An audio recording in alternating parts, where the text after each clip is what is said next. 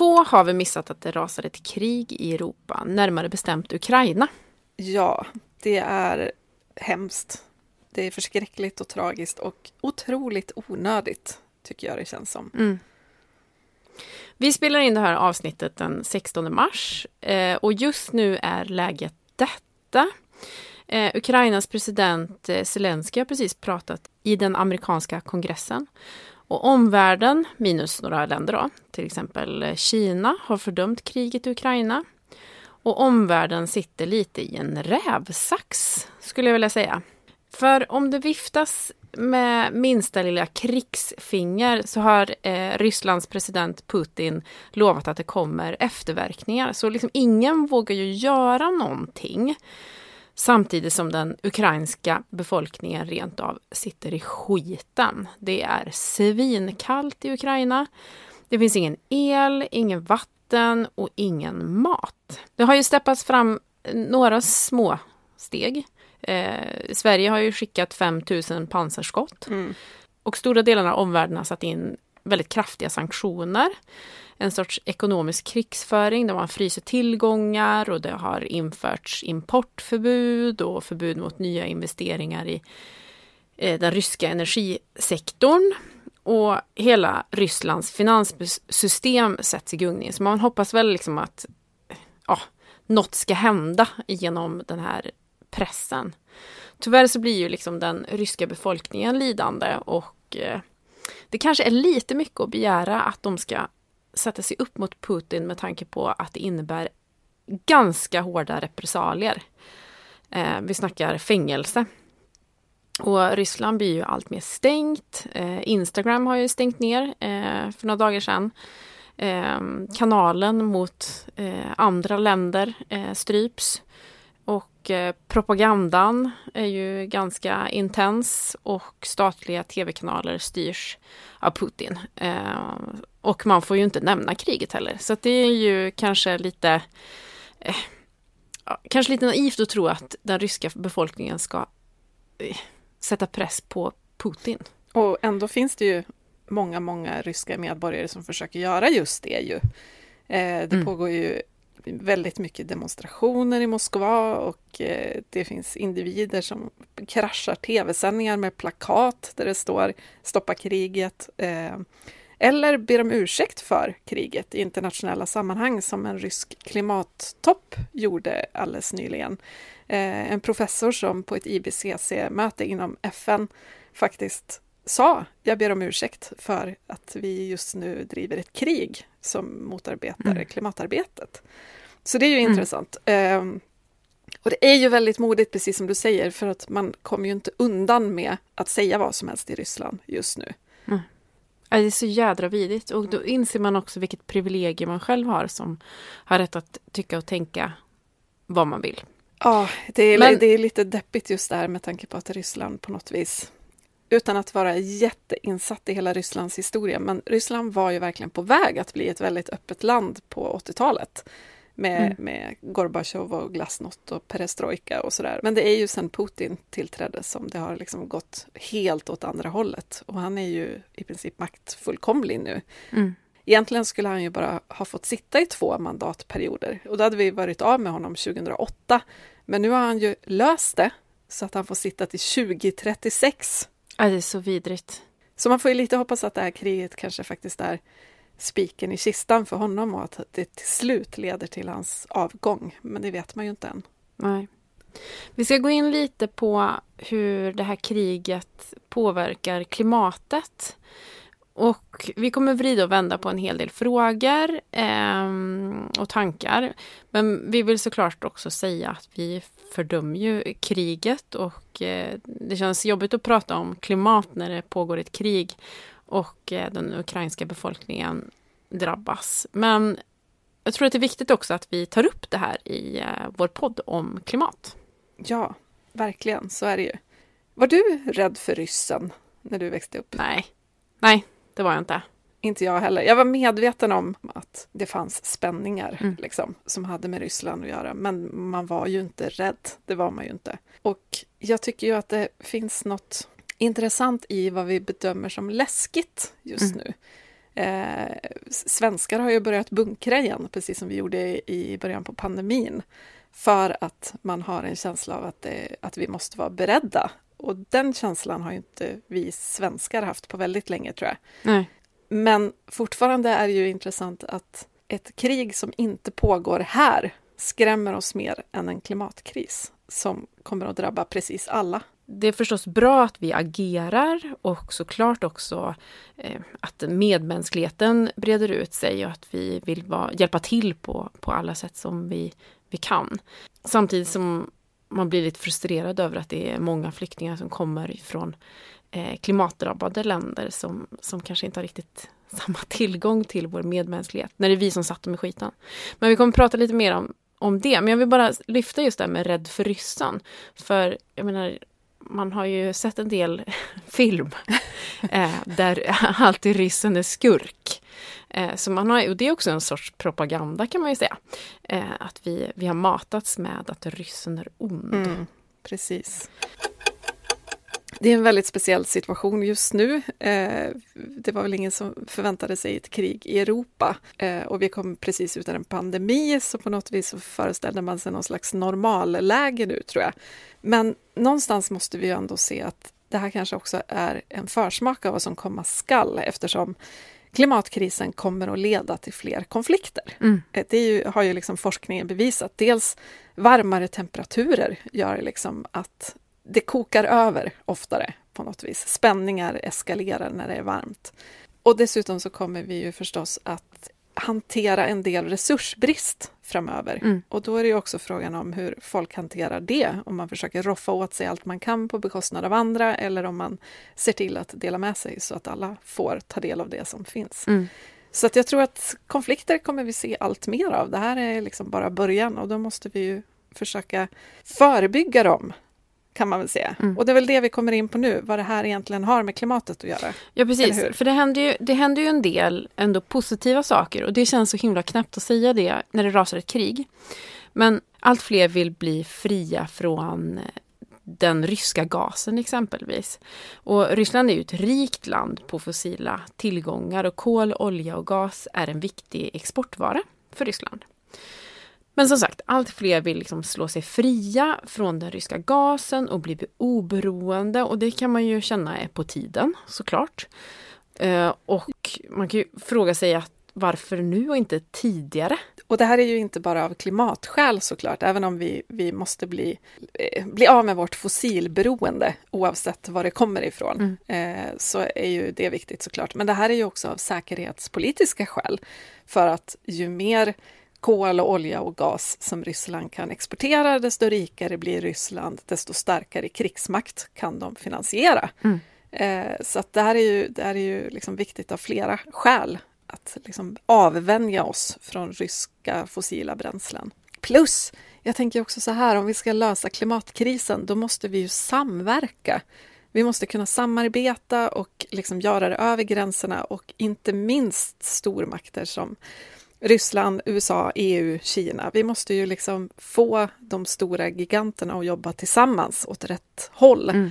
Och just nu så känns det ju som att vi går åt rakt motsatt håll, att spänningarna bara blir större mellan stormakterna, tyvärr. Ja, men verkligen. Man önskar ju att, att fossilfriheten var, var det som drev eh, den här önskan om att bli fri från, från, eh, från Ryssland. Men det är ju inte riktigt det, utan ingen vill ju handla med ryska varor, utan man vill liksom inte ens kännas vid att man har med Ryssland att göra. Det här är ju intressant. Har du sett vad Greenpeace har snickrat ihop. Nej, det har jag inte gjort. För lyssnare som vet vem Gustav Martner är, eh, en Greenpeace-profil som jag tycker man ska följa på Instagram. Ja. Han har varit med och byggt någon slags bot, alltså det här tekniska kan inte jag, men han har byggt någonting som trackar hur ryska bränslen åker runt i världen. Ja, fasen, det har jag sett! Precis, man kan se vilka länder som tar emot leveranser från Ryssland just nu.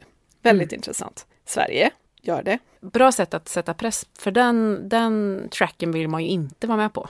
Nej, precis. Och dessutom så försöker ju då Greenpeace också att faktiskt stoppa ryska fartyg som, som är på väg in i hamnar, så mm. att de måste vända och försöka åka till något annat land Om, och då, då blir det ju intressant att liksom, om alla ryska fartyg med fossila bränslen faktiskt inte får gå i land någonstans, vad händer då?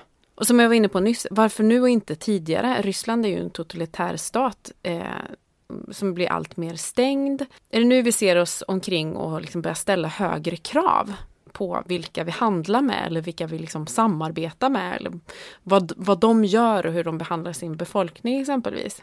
Och nu börjar man fundera på, så här, kommer kriget i Ukraina på något skevt och jävligt tragiskt sätt att bidra till någon form av förbättring mitt i den här skiten? Mm.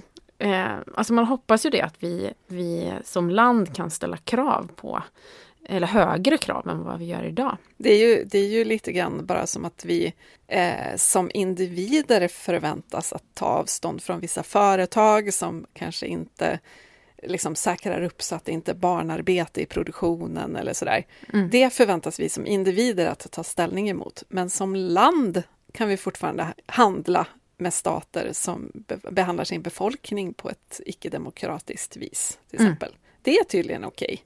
Mm. Och någonstans borde det ju gå åt andra hållet, att det är först staterna som tar ansvar, sen näringslivet och sist kan individen göra det när det är lätt att göra rätt. Sen finns det ju någonting som är intressant med just med den här energifrågan. Att nu har det helt plötsligt kommit upp lösningar som ransonering. Att folk blir taggade på att kanske använda lite mindre el för att eh, man inte vill vara beroende av skitig energi. Eh, och, och straffa lite grann. Ja men precis. Hållet, liksom. Ja men straff, straff stänga av, straffsläcka. straffsläcka, nytt ord. Eh, nej men just att, att man kan inte tänka sig att göra det för klimatet för det är alldeles för diffust. Men att göra det för att man absolut inte vill stödja ryssen, det är någonting som folk tror jag går igång på, eller det är lättare att ta på. Mm, det blir väldigt konkret. Ja men precis. Är det det här som kommer få oss att ändra beteende kan man ju undra. Men du, ska vi gå in lite grann på vad kriget har påverkat för olika områden? Ja, men ska vi börja med maten kanske? Mm. För kriget i Ukraina får ju matpriserna att stiga. Och då ska vi också poängtera att tills, fram tills alldeles nyligen så har maten aldrig varit billigare. Eh, så att den här prischocken som vi ser, den, den kanske inte riktigt är liksom... En chock. Nej, precis. Det kanske liksom inte riktigt är en chock. Vi lägger 12 till 13 procent av vår plånbok på mat. Eh, och på 80-talet så var eh, samma siffra 25 procent och på 1950-talet så var det nästan 40 procent. Så vi lägger extremt lite pengar på mat eftersom vi förmodligen konsumerar en jädra massa annat och har ett centraliserat eh, samhälle också, så ofta beroende av bilen exempelvis. Ja men precis, och anledningen till att matpriserna går upp just nu är ju också på grund av oljan och så vidare eftersom jordbruket världen över är beroende av fossila bränslen. Det går liksom inte att producera mat i stor skala mm. utan fossila bränslen idag. Och det här visar ju också att, men vad fan har vi inte ställt om för länge sedan för? Ja. Det är ju ett skört system. Det märker man ju nu när det plötsligt blir brist på fossila bränslen, eller rättare sagt att man också vill, man vill stänga av vissa kranar för mm. att förändra en annan situation och då blir det ju en slags brist. Plus att priserna då stiger, så bönderna har ju inte råd. Och bönderna har ju det tufft ekonomiskt redan långt innan kriget. LRF rapporterade till exempel för länge sedan att en svensk bonde ger upp var åttonde timme dygnet runt. Tre mm. bönder om dagen. Och just nu lär det vara många fler än så eftersom dieseln har blivit så dyr att böndernas redan hårt ansträngda ekonomi blivit ännu sämre. Så vi måste ju liksom vända på det här. Ja, och det här är ju, vi måste ju komma... Oh. Andas i påse.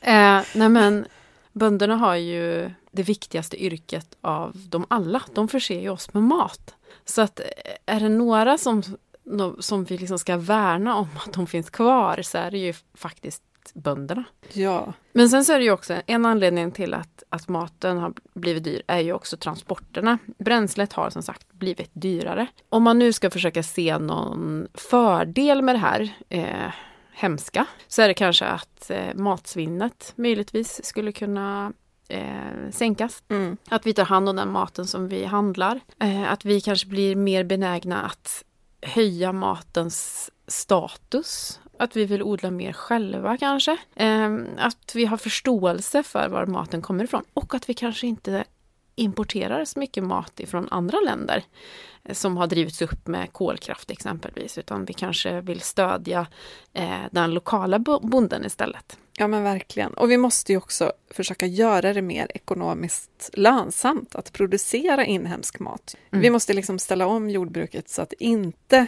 dukar under eller svajar när priset på råolja skenar som det har gjort nu.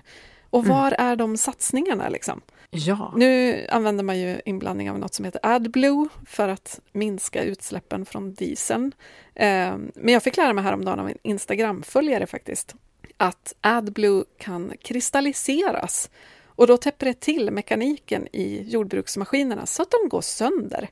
Mm. Vilket då kostar liksom enorma summor för bönder att försöka reda upp den härvan sen. Och allt då för att minska utsläppen. Så det är ju en satsning, men som verkligen, verkligen har ganska stora nackdelar. Jag börjar ju fundera så här, var är näringslivets satsningar på att ställa om jordbruket? Det är ju en enorm marknad som bara väntar på att någon ska ta täten där. Var är mm. eltraktorn från Tesla? Eh, ja. Skördetröskan från Polestar? Ja men verkligen. Varför satsar de på personbilar och inte på eh, snygg kollektivtrafik och eh, jordbruksmaskiner. Exakt. Ja, det, det, vill man verkligen se. Och just det här som kom upp i, i avsnittet om jordbruk som vi eh, spelade in för ett tag sedan. Eh, om jordbrukslumpen. Gud vad det kändes superaktuellt just nu då. Men eh, men att få in fler i jordbruket och få fler att förstå hur man producerar mat och också ersätta maskiner med handkraft. Det känns som en ganska radikal idé. Men kanske ska vi sätta fler människor i arbete i, på, i jordbruken. Nu börjar de ju prata om att, att eh, värnplikten ska bli aktuell igen på olika sätt. Ja, men precis. Och det är väl ett ypperligt tillfälle då att samköra det med jordbruksplikt. Ja, det är en spännande tanke. Ska vi prata lite om sanktionerna? Ja.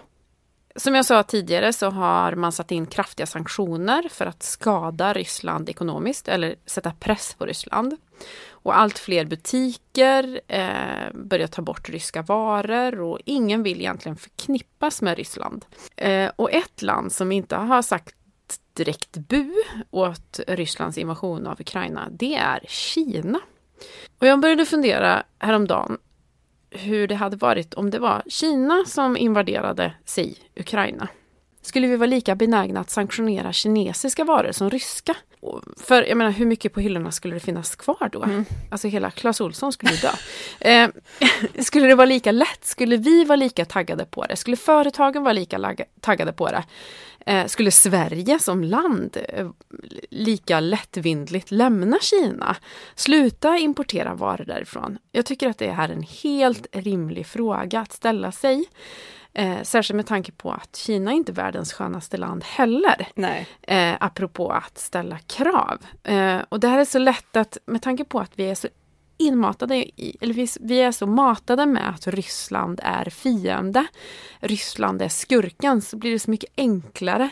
Eh, jag tänker på liksom hur vi ser på olika människor. Det här är ju rasism rakt in i liksom märgen, hur vi ser på andra människor och andra nationer. Eh, vilka som har ett värde och inte. Och det där tycker jag att vi ska ta en sväng om kring eh, och fråga oss hur, hur vi skulle ställa oss ifall det var ett annat land som gjorde den här. Ja men verkligen, Made in China. Liksom. Plocka bort allt som det står Made ja. in China på. Vad blir kvar?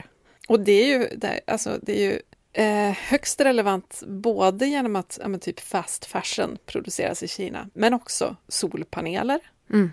Vad händer om vi skulle liksom bojkotta Kina rakt av? För allt som produceras där är ju inte dåligt för omställningen. Liksom. Nej. Eh, och jag menar, mycket teknik produceras i Kina av olika typer. Eh, och en del av den tekniken behövs ju för omställningen också. Så det är ju intressant att, att, fråga sig. Men jag håller ju verkligen med. Det blir ju väldigt, det blir ju en dubbelmoral liksom. Mm. Och det här med USA som du delade häromdagen? Eh, ja, precis. Att, det kan man kolla på Instagramkontot POTUS, det vill säga eh, President of the United States officiella konto. Där finns det en bit ner i flödet vid det här laget ett klipp med Jen Psaki som är Bidens presschef eh, där hon håller ett litet slags tal till nationen, en slags informationsfilm där hon pratar om hur de ska hantera det här med de skenande bränslepriserna. Och det är bisarr tittning Eh, för det handlar väldigt mycket om raka motsatsen till vad Biden ändå har sagt sig stå för. Mm. Han har ju ändå liksom gått ut ganska hårt med att han ska vara på hållbarhetssidan i världen, det vill säga eh, han gick tillbaka in i Parisavtalet som Trump hoppade av och sådär. Men den här, det här klippet handlar om dels att hon, Jen, berättar att USA producerar jättemycket olja och vi kan producera ännu mer. Mm. Och så säger hon att det finns tusentals redan godkända tillstånd för att borra efter ännu mer olja som hon uppmanar företag att hugga så att liksom, USA kan bli lite mer självförsörjande på olja. Fräscht! Eh, och så är det en mening på slutet om att vi ska försöka accelerera omställningen också. Och man bara, ja, hej dubbla budskap! Oh. Och alltså, vi kommer ju in på det här också såklart för att det är klart att individer drabbas av de skenande bensinpriserna. Vi kan väl gå rakt in på det nu, ja, eller hur? Mm. Det är ju såklart ett dilemma. Det är inget dilemma för mig som bor i Stockholm och kan åka kollektivt exakt överallt. Jag kör dessutom elbil, så att det är inte ett problem för mig på något vis. Men det är en väldigt stor del av Sverige som inte går att åka kollektivt i. Mm väldigt många människor som bor i, i, på landsbygden och i glesbygd som behöver få ta bilen till jobbet helt enkelt. Och det är klart att det gör en enorm skillnad när bränslepriserna ser ut som de gör nu. Mm. Särskilt om man kanske kör många, många mil varje dag. Nu kom ju regeringen med ett förslag om stöd eh, och sänkt skatt på bränslet. Och det kanske inte var riktigt det eh, man hade tänkt Nej. skulle komma.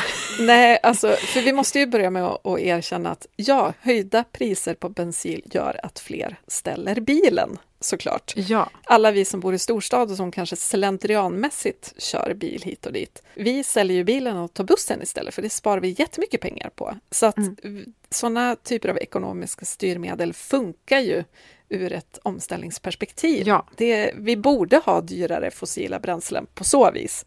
Eh, för då kommer fler människor att orka ta bussen. Mm. Liksom. Men det här är ju ett jätteproblem. Vi måste ju liksom lösa det så att inte de som faktiskt är beroende av bilen drabbas värst och hårdast. Så ska mm. vi kolla på det här fantastiska åtgärdspaketet eller? Eh, ja, ja, ja, absolut. Ja. Mm. Du har det nära ja, till hands eller? Jag har det nära till hands. Eh, det är mm. väldigt många punkter och inte alla rör just transporter eller klimat kan man väl säga. Mm. Så jag tänker jag har plockat fram några av delarna som har med just klimatpåverkan att göra kan man säga. Jag tänkte bara höra vad du tycker. Mm. Skatten på diesel och bensin sänks tillfälligt från juni till oktober 2022. Den sänks tillfälligt till den lägsta tillåtna nivån enligt EUs regelverk. Vad tycker vi om det här? Det kostar 3,7 miljarder för den svenska staten. Och vad man, de 3,7 miljarder hade jag istället... Alltså nu, nu är det statsminister Sund som talar. eh, de 3,7 miljarder kronorna hade jag gett i stöd eh, omställningsstöd till människor i eh, landsbygd och glesbygd som är beroende av bil för att ta sig till sitt lönearbete. Och de här pengarna då ska användas för att man ska kunna ha möjlighet att eh, ställa om till en elbil där, där kollektivtrafiken inte finns. Vi vill ju såklart att folk ska åka mer kollektivtrafik. Den ska vara svinbillig, det ska vara enhetstaxa, den ska vara, gå ofta och den ska gå olika rutter beroende på var behovet finns. Eh, den ska utvecklas big time, men framför allt så ska vi inte plåstra om ett sår som alltid kommer blöda. Vi måste ju, vi måste ju bota själva liksom anledningen till varför vi fick såret. Och det gör ju inte Sveriges regering just nu, eh, måste jag ärligt talat säga, att, utan de baddar ett sår som aldrig kommer läka. Det är så kortsiktigt som man får huvudvärk. Vi måste ju tänka långsiktigt nu går jag igång här. Men, ja, det, det går bra. Ja, vi måste ju tänka långsiktigt. Vi kan ju inte ge folk en kortsiktig lösning som är tillfällig. För då, den här situationen kommer vi sitta i igen. För jag menar, vi ska ju byta ut de fossila bränslena. Ska inte det stödet gå då till att man kan, ifall man är i behov av bil, köpa sig en elbil då? Och det ska vara ett rejält stöd så inte plånboken blir lidande för de som faktiskt har små plånböcker. Eh, så att man kan luta sig tillbaka på något vis och inte känna så här, ja men det här kommer ju, vi kommer sitta i samma skit när den här temporära sänkningen är liksom back to, to normal igen. Ja men exakt. Det, 31 det en, oktober. Ja, det här är ju liksom en satsning på, som gör det billigare att släppa ut för alla. Eh, det vill säga mm. även storstadsbon som inte behöver ta bilen får plötsligt lite större möjlighet att fortsätta ta bilen. Mm. Det är 3,7 miljarder i satsning på att inte sänka utsläpp när vi har åtta år kvar till Parisavtalet ska vara uppfyllt. Yes. Okej, okay. punkt två. Mm. En ny drivmedelskompensation införs till privatpersoner. Kompensationen är till privatpersoner som äger en personbil och stödet kommer att vara 1000 kronor per bilägare. De som bor i kommuner som ingår i stödområdena 1, 2 eller 3 och äger en personbil får ytterligare 500 kronor i kompensation och det handlar om då främst gles och landsbygder där avstånden är stora.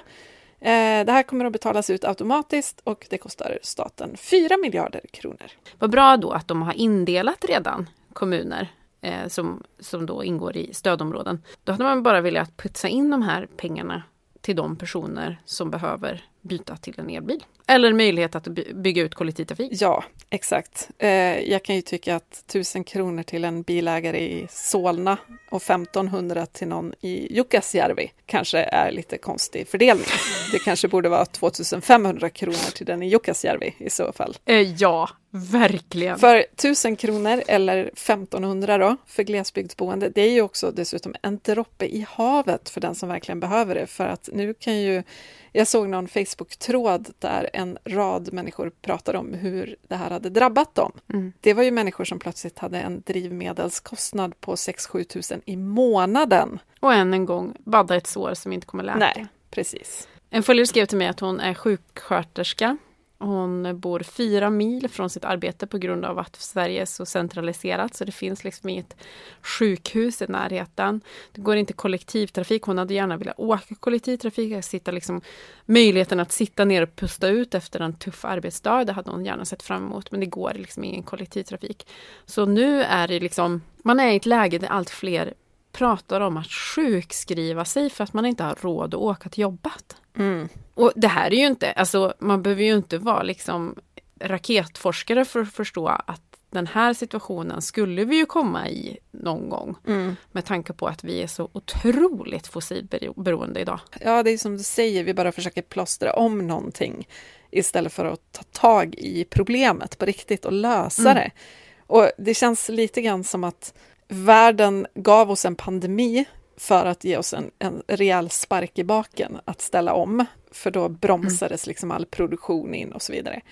Och så lyckas vi inte lösa det på två år ändå, utan vi bara så här supportade flygbolag och så vidare tills pandemin liksom började klinga av så vi kunde återgå till business as usual.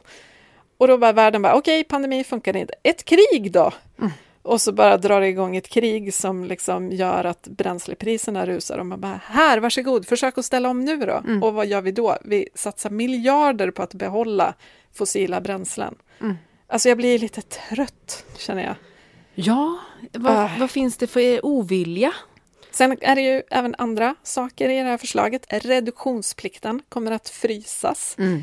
Reduktionsnivåerna för diesel och bensin fryses till 2022 års nivåer under nästa år. Och reduktionsplikt är alltså att alla drivmedelsproducenter gradvis måste öka inblandningen av biodrivmedel för att minska klimatpåverkan. Och det har liksom varit som en trappa kan man säga, att man hela tiden ställer högre krav på inblandning av biobränsle. Men nu fryser man det så att det inte ska krävas mer. Vad tycker vi om det, Sund? Eh, lite, jag tycker att det känns lite gammalt. Vad tycker du? Ja, lite så. Det är likadant med nästa punkt. BNP-indexeringen av diesel och bensin pausas och det handlar alltså om att man varje år räknar om skattesatserna så att de ska liksom anpassa sig till verkligheten kan man säga. Mm. Och nu tänker man då att det ska, för man har redan pausat det här under 2021 och 2022.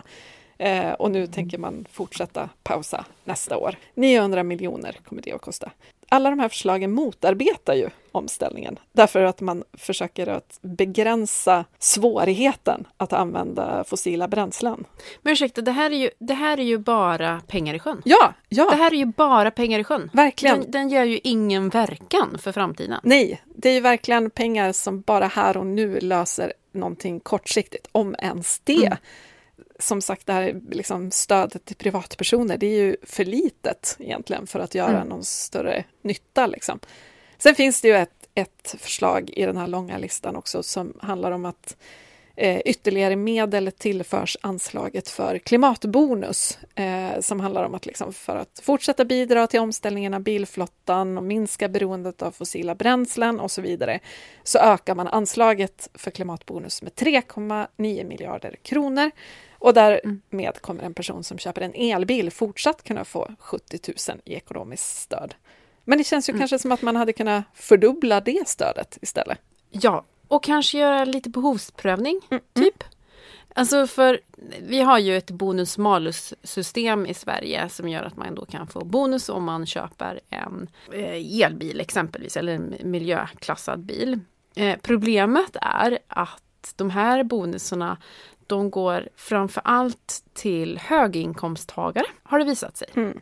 I storstäder. Det här är ju inte, och det är kanske inte där bonusen direkt behövs eftersom där finns det ju kollektivtrafik och det finns cykelbanor och tåg, så allt finns, spårvagn, alltså bara allt finns ju. Bonus-malus-systemet kan få finnas kvar men vi behöver ett omställningsstöd som går ut lite mer rättvist. Som kanske betalas ut till de som har en liten plånbok men ett stort behov av bilen. Ja men exakt, precis som de flesta bidrag behovsprövas ju. Exakt. Eh, som bostadsbidrag eller vad som helst. Du måste ju uppfylla vissa krav för att få ta del av det. Ja.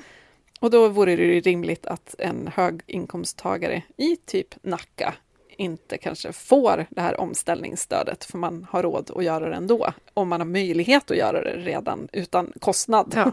för att det finns kollektivtrafik. Eh, men att det istället är ett mycket större stöd som finns för de som behöver det. Förlåt du i Nacka, vi, vi gillar dig, men vi vill bara inte att du ska ta bilen. Det är inte en klimatgärning att byta till en elbil, måste vi komma ihåg. Nej, precis. Eh, det är en, en klimatgärning att låta bilen stå Punkt slut. Mm. Men det här handlar ju om ditt favoritämne trots allt, decentralisering. Ja. Det vill säga att människor ska inte behöva ha så långt till jobbet som den här sjuksköterskan, utan det ska finnas eh, vårdinrättningar på fler ställen i mm. landet. Mm. Det ska finnas bättre kollektivtrafik, fler laddstolpar, det ska vara lättare att liksom ställa om överallt i landet, inte bara i storstäder. Och tänk vad mycket arbetstillfällen som skulle skapas. Och vad härligt om man hade använt alla de här miljarderna till att, att skapa det samhället. Eh, det hade ju inte räckt, men det hade kommit en bit på väg i alla fall. Eh, kanske lite framtidstro på den också. Det finns ju pengar tydligen. Vi kanske kan det. sätta dem i arbete medan tid finns. Typ. Nej, det där var pengar i sjön.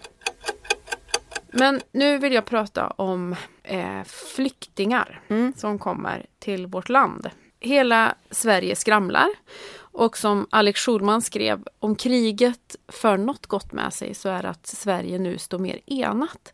Vi är liksom benägna att öppna våra hjärtan, hjälpa, ta hand om människor nu när det sker ett krig i vårt närområde och det här är såklart helt fantastiskt.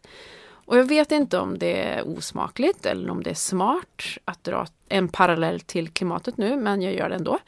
För när människor flyr från konflikter som springer ur klimatkris eller för all del måste lämna sina hem eftersom platsen de bor på kanske inte är beboelig längre på grund av skogsbränder, höjda eh, havsnivåer eller översvämningar, you name it. Då vill vi stänga gränserna. Mm. Vi gör skillnad på folk och folk. Eller ska vi säga hudfärg kanske. Vi får heller inte samma rapporter av media från flyktingströmmar från torra områden där man ser gråtande barn eh, på så sätt som vi ser nu från kriget i Ukraina. Jag vill såklart inte ta fokus från kriget i Ukraina men jag vill sätta det någonstans i perspektiv. I att vi är så benägna att öppna våra gränser för europeer och inte för dem vars liv vi har ställt till. För det är ju vi i rika länder som, har, som orsakar klimatförändringarna Ja, det blir så jävla osmakligt. Ja, jag vet. Och ingenting av det här, det, det fattar ni som lyssnar, ni är vettiga personer, men inget av det vi säger kring det här handlar ju om att vända någonting emot eh, Ukraina. Nej, exakt. Utan vi vill hjälpa Ukraina på alla tänkbara sätt, för det som händer där är ju förskräckligt och det är verkligen, verkligen ensidig ondska i det. Mm. Eh, det, det, finns liksom bara en sida att stå på här och det är Ukrainas. Och människorna som flyr ska vi hjälpa på alla tänkbara sätt, såklart. Mm. Men det är precis som du säger, att vi kan inte hålla på och göra skillnad på flykting och flykting. Jag ser liksom ganska många som pratar om riktiga flyktingar nu, politiker oh, bland annat. Och att liksom, ja men ukrainska medborgare är riktiga flyktingar för de flyr från ett krig och då måste vi hjälpa. Medan flyktingar från exempelvis kriget i Syrien då, Mm. Eh, ett krig som faktiskt dessutom beror på klimatförändringarna i grund och botten eftersom det föregicks av en lång torr period. De anses då inte vara riktiga flyktingar utan ekonomiska migranter, mm. eh, vill vissa högerspöken vända det här till. Och det är ju, jag såg någon som liksom hänvisade till att bara 3% av flyktingarna som flytt över Medelhavet är då riktiga flyktingar inom citationstecken och att resten liksom är något annat. Mm. Och jag försökte googla upp det här för att det hänvisas hela tiden till att FN har sagt att bara 3% är riktiga flyktingar, vilket jag tyckte lät helt bisarrt. Och det enda jag kan hitta är en UNHCR-rapport från 2017 om att bara 2,65 procent av alla som flydde till Italien under 2016 fick asyl. Mm. Och Ja, det är en låg siffra, men det kan ju lika väl bero på att Italien har ett sjukt litet trångt nålsöga för vilka man faktiskt ger asyl. Och dessutom så står det i den här rapporten också att 21 procent fick tillfälliga uppehållstillstånd, ytterligare 14 procent beviljades annan typ av skydd, så det är inte alls bara 3 procent. Och dessutom så sökte inte hälften av alla som nådde Italien asyl alls, utan de bara försvann in i landet. Kanske för att de hörde vilka dåliga odds det var. Mm. Det är så lätt att hitta en siffra och liksom vända den till människors nackdel, mm. vilket jag tycker är helt vidrigt. Men sen ska vi också säga att, att klimatflyktingar har ju inte samma rättigheter som riktiga flyktingar om man inom situationstecken igen. Nej, vilket blir helt sjukt med tanke på att klimatförändringarna kan leda till allt från krig ja. till torka, till översvämning, alltså olika typer av naturkatastrofer, till ekonomiska problem. Mm. Eftersom om man inte längre kan försörja sig för att det inte går att köpa mat eller odla mat eller sälja mat som man odlar, mm. då måste man ju fly någonstans där det går att försörja sig. Ja, men exakt. Ska man bara stanna kvar då och liksom dö? Nej, alltså det går ju inte. Ja. Alltså, det här är ju så fucked up. Nej, och det blir ju en form av ekonomisk flykting såklart, men det handlar ju inte om att man vill få det bättre utan att man inte kan överleva där man exakt. är. Det, det, är ju liksom inte någon slags lyckojägare vi snackar om här, utan det är ju ren överlevnad oavsett. Mm. Och jag tycker det är lite läskigt också eftersom jag jobbade med ett flyktinginitiativ 2015-16 där, när den stora flyktingkrisen var. Vi hade ju samma medmänsklighet där mm. i början. Det bara välde in gåvor då, 2015. Både kläder och förnödenheter och pengar och man ville, ville, ville så gärna hjälpa till. Vilket var fantastiskt. Jag tyckte verkligen Sverige visade på en värme då. Men det höll bara något mm. år. Sen började det ju vända till att vi tar emot för många och vi måste stänga gränserna och, och så vidare och så vidare och så vidare. Och nu öppnar vi igen våra hjärtan så att säga. Men nu känns det som att det inte gäller alla. Vi måste sluta göra skillnad på folk och folk. Ja, fan. Nej, alltså jag, jag, det vaknar något i mig som har legat, upp, legat vilande sedan flyktingkrisen 2015 när jag jobbade så mycket med det här. Jag blir så arg folk, alltså, och framförallt politiker som jag tycker är helt vidrigt att man så öppet pratar om att men det här är något annat för att det är ett krig i, mm. i Europa och vi måste hjälpa till. Men krig är krig för den som drabbas. Liksom. Mm. Och Sverige är inte fullt. Nej, nej. Eh, ta en sväng i Norrlands glesbygd. Det, det är inte trångt där. Ska vi snacka lite om Sverige då? Ja, men det ska vi göra. Är du, är du rädd? Inte för ryssen alltså, utan för vad som sker. Ja, men det är klart att det är liksom en oroskänsla i kroppen. Det är mycket skit som händer som drabbar väldigt, väldigt många. Mm. Så jag ska inte säga att jag är rädd för min egen del, men jag är rädd för alla som, eh, alla flickor som eh, hamnar fel när det blir en kris. Alla barn som får gå över gränsen själv. Eh, som inte har en trygghet som de hade bara för några veckor sedan. Alltså den typen av rädsla kan jag känna. Mm. Jag kan känna en rädsla för att Sverige skulle dras in i ett krig, absolut. Eh, för vi har frångått vår neutralitet. Eh, som vi har varit ganska stolta över, eller väldigt stolta över väldigt länge. Um, och ja, vi har väl inte varit superneutrala historiskt sett uh, sådär. Uh, kanske man ska poängtera. Lite, lite fake-neutrala. Lite fake-neutrala. Men nu är vi... Läget är förändrat. Ja. Så det är klart att man funderar på hur det skulle vara om ens partner skulle behöva gå ut i krig. Det känns ju helt apart. Ja, och det, det, jag såg en, eh, en seriestripp idag som en ukrainsk medborgare har tecknat. En illustratör i Ukraina helt enkelt som jobbar med det här till vardags. Mm. Och som ritade en, en sån här seriestripp om situationen just nu. Ett par börjar inse att kriget kommer och att de försöker börja bunkra lite förnödenheter och de börjar leta sig ner i skyddsrummet och från början sitter de själv där och sen kommer granne efter granne och så vidare. Och jag tyckte det var intressant just för att det inte är en, så här, en krigsbild av misär som vi är vana att se från ett krig som känns så himla långt bort från vår egen tillvaro. Mm. Utan det här var ju som att läsa, den var på engelska så jag kunde läsa allt som stod. För det här paret så är det lika bisarrt som det skulle vara för oss om, om det skedde i Sverige. Mm. Det var ju deras helt vanliga tillvaro som bara vändes upp och ner.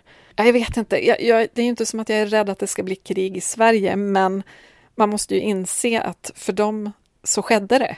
Och mm. vi är ju liksom inte en isolerad ö på den här planeten, utan saker som händer kan drabba oss också. Det gjorde ju pandemin till exempel. Mm. Så att någonstans får man väl inte vara för och det här är mitt hatord eftersom det har tagits över av eh, diverse klimatförnekare, men man får inte vara hur naiv som helst kanske. Mm. Utan man måste ju på något vis inse att nu har vi ändå en regering som börjar rusta upp försvaret och som börjar se till att nödförråden fylls på. De köpte en massa ärtsoppa och så vidare, såg jag häromdagen. Mm. Eh, och man börjar ändå liksom undersöka saker som vi inte haft anledning att undersöka på väldigt länge. Nej, verkligen. Och det måste vi ju ändå se som ett tecken på att det, det finns en viss risk här.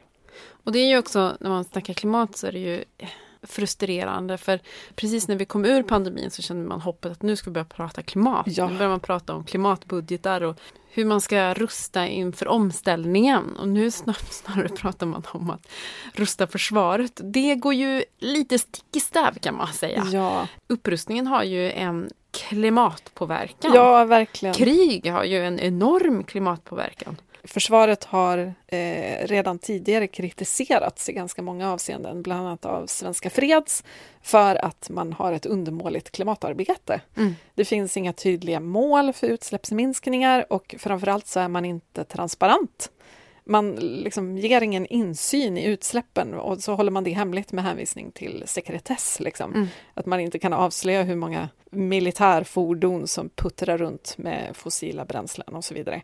För då avslöjar man för mycket om vår försvarsmakt. Mm. Och visst, det finns väl någon slags logik i det, men nu ska den rustas upp alltså. Och den lär ju inte rustas upp med elfordon och så vidare. SCB e hade siffror som visar att Försvarsmaktens utsläpp av växthusgaser från inhemska transporter motsvarar en tredjedel av utsläppen från inrikesflyget. Och det här var alltså innan kriget och eventuell upprustning. Mm. Dessutom använder man ganska mycket kemikalier. Mm. Brandsläckningsmedel med PFAS, mums. Mm. Det här är inte en, en cirkulär bransch som vi ska hålla på och satsa pengar på nu, om man säger så. Nej, verkligen. En annan grej förresten som jag kom på nu, apropå maten som vi pratade om tidigare och som också har lite med krisberedskap att göra, det är ju det här med självförsörjning. Mm. Och nu pratar jag inte på individnivå utan liksom Sverige. Vi är ju självförsörjande på morötter, spannmål och socker. That's it! Ja, det blir ingen, det är ingen tallriksmodell där inte. Nej, det blir väl en morotskaka kanske. Ja, det är för sig Utan nice. frosting. Ja. ja. Och ska vi producera de här sakerna, morötter och spannmål och så vidare, då måste ju dessutom jordbruket funka, vilket det inte gör så länge vi är beroende av fossila bränslen, som vi pratade om tidigare. Mm. Vi har ju en väldigt låg självförsörjningsgrad och vi är beroende av transporter för att importera saker. Men krig eller inte så behöver vi ju ta hand om vår jordbruksmark. Ja, Vi behöver värna den, inte bygga på den. Inte skapa shoppinglador på den utan faktiskt inse att Sverige har en ganska unik sits med vårt nordliga läge där klimatförändringen inte kommer påverka våra odlingsmöjligheter så eh, mycket som runt ekvatorn. Vi behöver ta en funderare kring våra jordbruksmarker, även i, alltså både, både i krigstider och klimatkristider eh, och som sagt värna dem.